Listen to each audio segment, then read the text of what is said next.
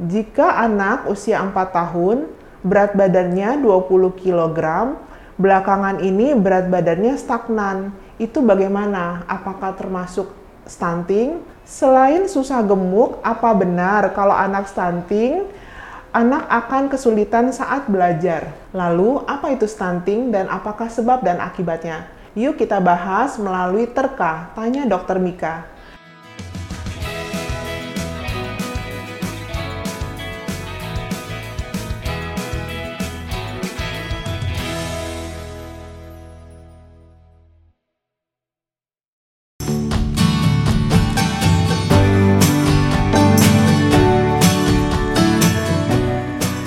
Sahabat Mika, salam sehat untuk kita semua. Saya Dr. Martini, spesialis anak di Mitra Keluarga Kemayoran. Sebelumnya, kami sudah membuka kolom pertanyaan di Instagram @mitra_keluarga dan sudah terkumpul beberapa pertanyaan menarik yang akan saya jawab. Mari kita simak pertanyaan berikut.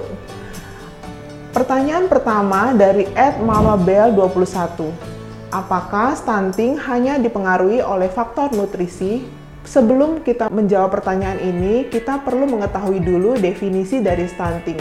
Stunting merupakan tinggi badan anak menurut usia di bawah minus 2 SD menurut grafik WHO yang disebabkan oleh undernutrisi atau kurang gizi kronis atau berulang dan biasanya berhubungan dengan kemiskinan, kondisi kesehatan dan nutrisi ibu hamil yang buruk dan atau pemberian makanan serta perawatan bayi yang tidak tepat. Mari kita lanjut pada pertanyaan selanjutnya dari Bunda Yesa. Jika anak usia 4 tahun, berat badannya 20 kg, belakangan ini berat badannya stagnan.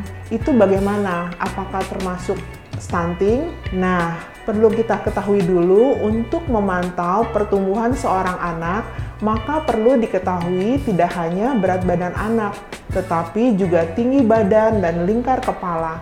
Stunting merupakan istilah anak pendek akibat kekurangan gizi kronis, jadi hubungannya dengan tinggi badan seorang anak. Usia 4 tahun dengan berat badan 20 kg termasuk berat badan normal menurut usia.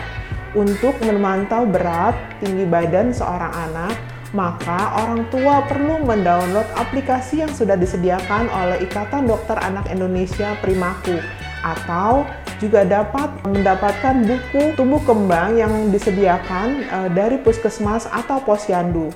Kemudian di dalam aplikasi Primaku juga terdapat grafik WHO untuk memantau pertumbuhan anak. Bila diketahui ada kelainan dapat diketahui lebih dini. Bila ditemukan, maka segera berkonsultasi dengan vaskes terdekat agar dapat dilakukan intervensi. Itu sekilas jawaban untuk pertanyaan kedua. Sekarang kita beralih ke pertanyaan ketiga. Berasal dari Ed Ayun B. Kartika. Kalau anak GTM, gerakan tutup mulut, padahal sudah kasih makanan yang bergizi, gimana ya dok? Nah, sering kali orang tua mengeluhkan mengenai GTM ini Penyebab tersering GTM pada anak adalah inappropriate feeding practice, di mana perilaku makan yang tidak benar atau pemberian makanan yang tidak sesuai dengan usia. Fase ini sering kali terjadi saat penyapihan atau waktu dimulainya pemberian MPASI. Pemberian makanan yang benar harus memperhatikan beberapa hal. Satu, tepat waktu. Dua, kuantitas makanan sudah tepat.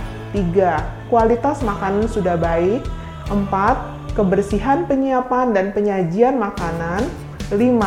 Menu sesuai dengan tahapan perkembangan anak. Serta jangan lupa nomor 6, mengikuti feeding rules yang benar. Selanjutnya kita beralih ke pertanyaan dari Ed Hasnaulya. Pertanyaannya, selain susah gemuk, apa benar kalau anak stunting, anak akan kesulitan saat belajar? Keadaan kronis yang berulang tersebut akhirnya akan mempengaruhi kecerdasan otak serta tumbuh kembang secara keseluruhan.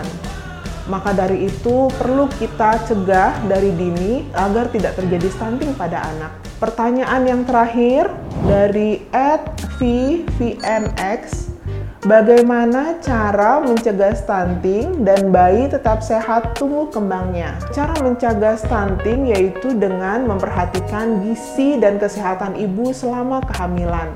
Selalu memantau tumbuh kembang anak, misal dengan aplikasi Primaku atau buku dari puskesmas, rutin menimbang berat badan, tinggi badan, dan lingkar kepala di posyandu atau fasilitas kesehatan terdekat. Memberikan MPASI yang benar sesuai dengan feeding rules, segera berkonsultasi ke dokter bila anak sakit, menjaga kebersihan, dan memberikan ASI eksklusif selama 6 bulan. Nah, kita sudah di akhir video nih. Semoga penjelasan dari saya dapat membantu sahabat Mika ya. Jika sahabat Mika punya keluhan kesehatan lainnya, sahabat Mika bisa memberikan kami pertanyaan di kolom komentar maupun di Instagram story at Mitra Keluarga. Lalu, pertanyaan terpilih akan dijawab di video terka. Apakah sahabat Mika menyukai video ini? Jangan lupa like, subscribe, komen, dan share video ini ya. Terima kasih, sampai jumpa.